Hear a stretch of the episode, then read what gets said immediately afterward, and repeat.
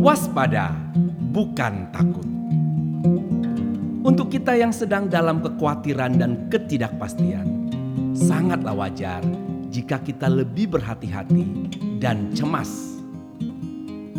Memang tidaklah mudah untuk seseorang bisa tenang di saat sekitarnya, termasuk dirinya, dalam bahaya.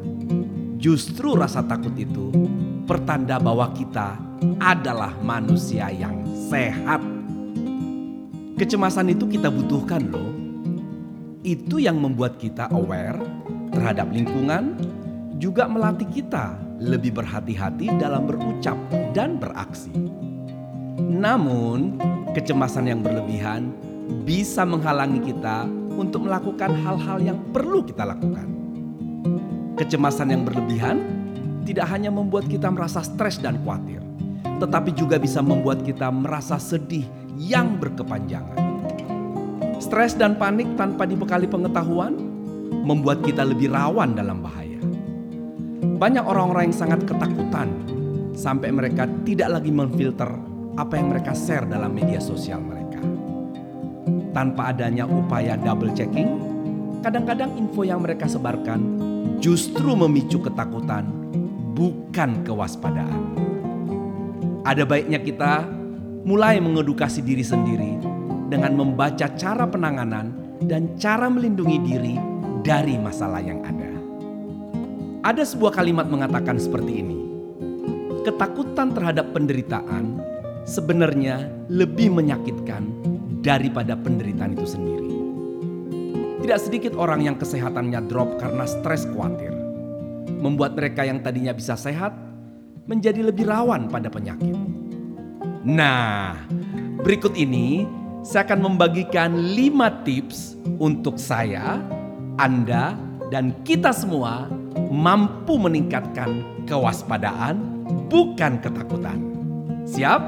Dicatat ya, lima tips untuk kita semua.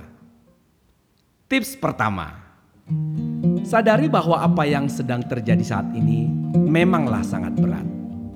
Jadi Anda nggak perlu merasa kecil hati kalau ada kecemasan menghampiri diri Anda.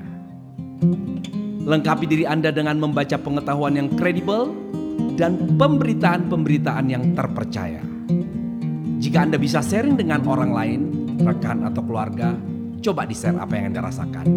Itu akan meringankan beban Anda. Tips kedua, tarik nafas panjang Anda dan yakinkan diri Anda bahwa tidak selamanya masa sulit ini akan kita alami. Di dunia ini tidak ada penderitaan yang sifatnya permanen. Anda akan melewatinya pelan-pelan, perlahan, tapi pasti. Tips ketiga, action atau tindakan. Pikirkan apa yang Anda bisa lakukan sekarang. Jangan memikirkan, misalnya, ini seperti apa ya? Ini sampai kapan ya? Lalu bagaimana nantinya? Itu akan membuat Anda semakin terpuruk. Lakukan sesuatu yang Anda bisa lakukan.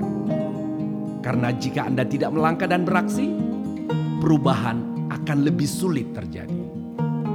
Tips keempat, tanpa mengurangi kepedulian Anda, Anda boleh loh membaca berita lain atau sejenak nonton konten lain untuk menyegarkan pikiran Anda.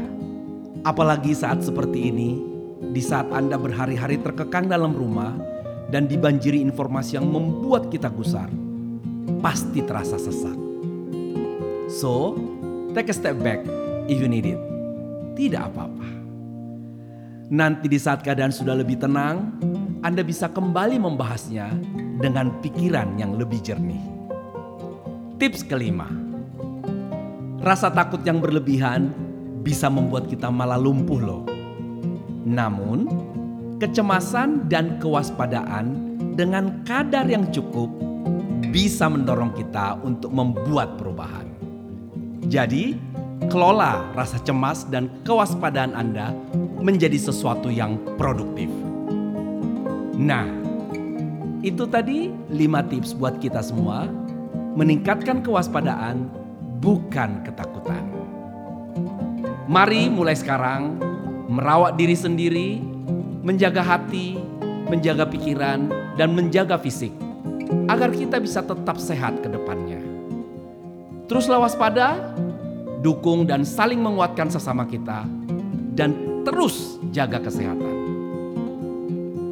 Walau situasi sedang kacau, percayalah bahwa banyak orang yang sedang mengusahakan yang terbaik. Mari ambil bagian kita dengan menjaga diri dan keluarga. Kasihilah sesama dan ingatlah bahwa Anda juga dikasihi. Jaga kesehatan dan di rumah saja.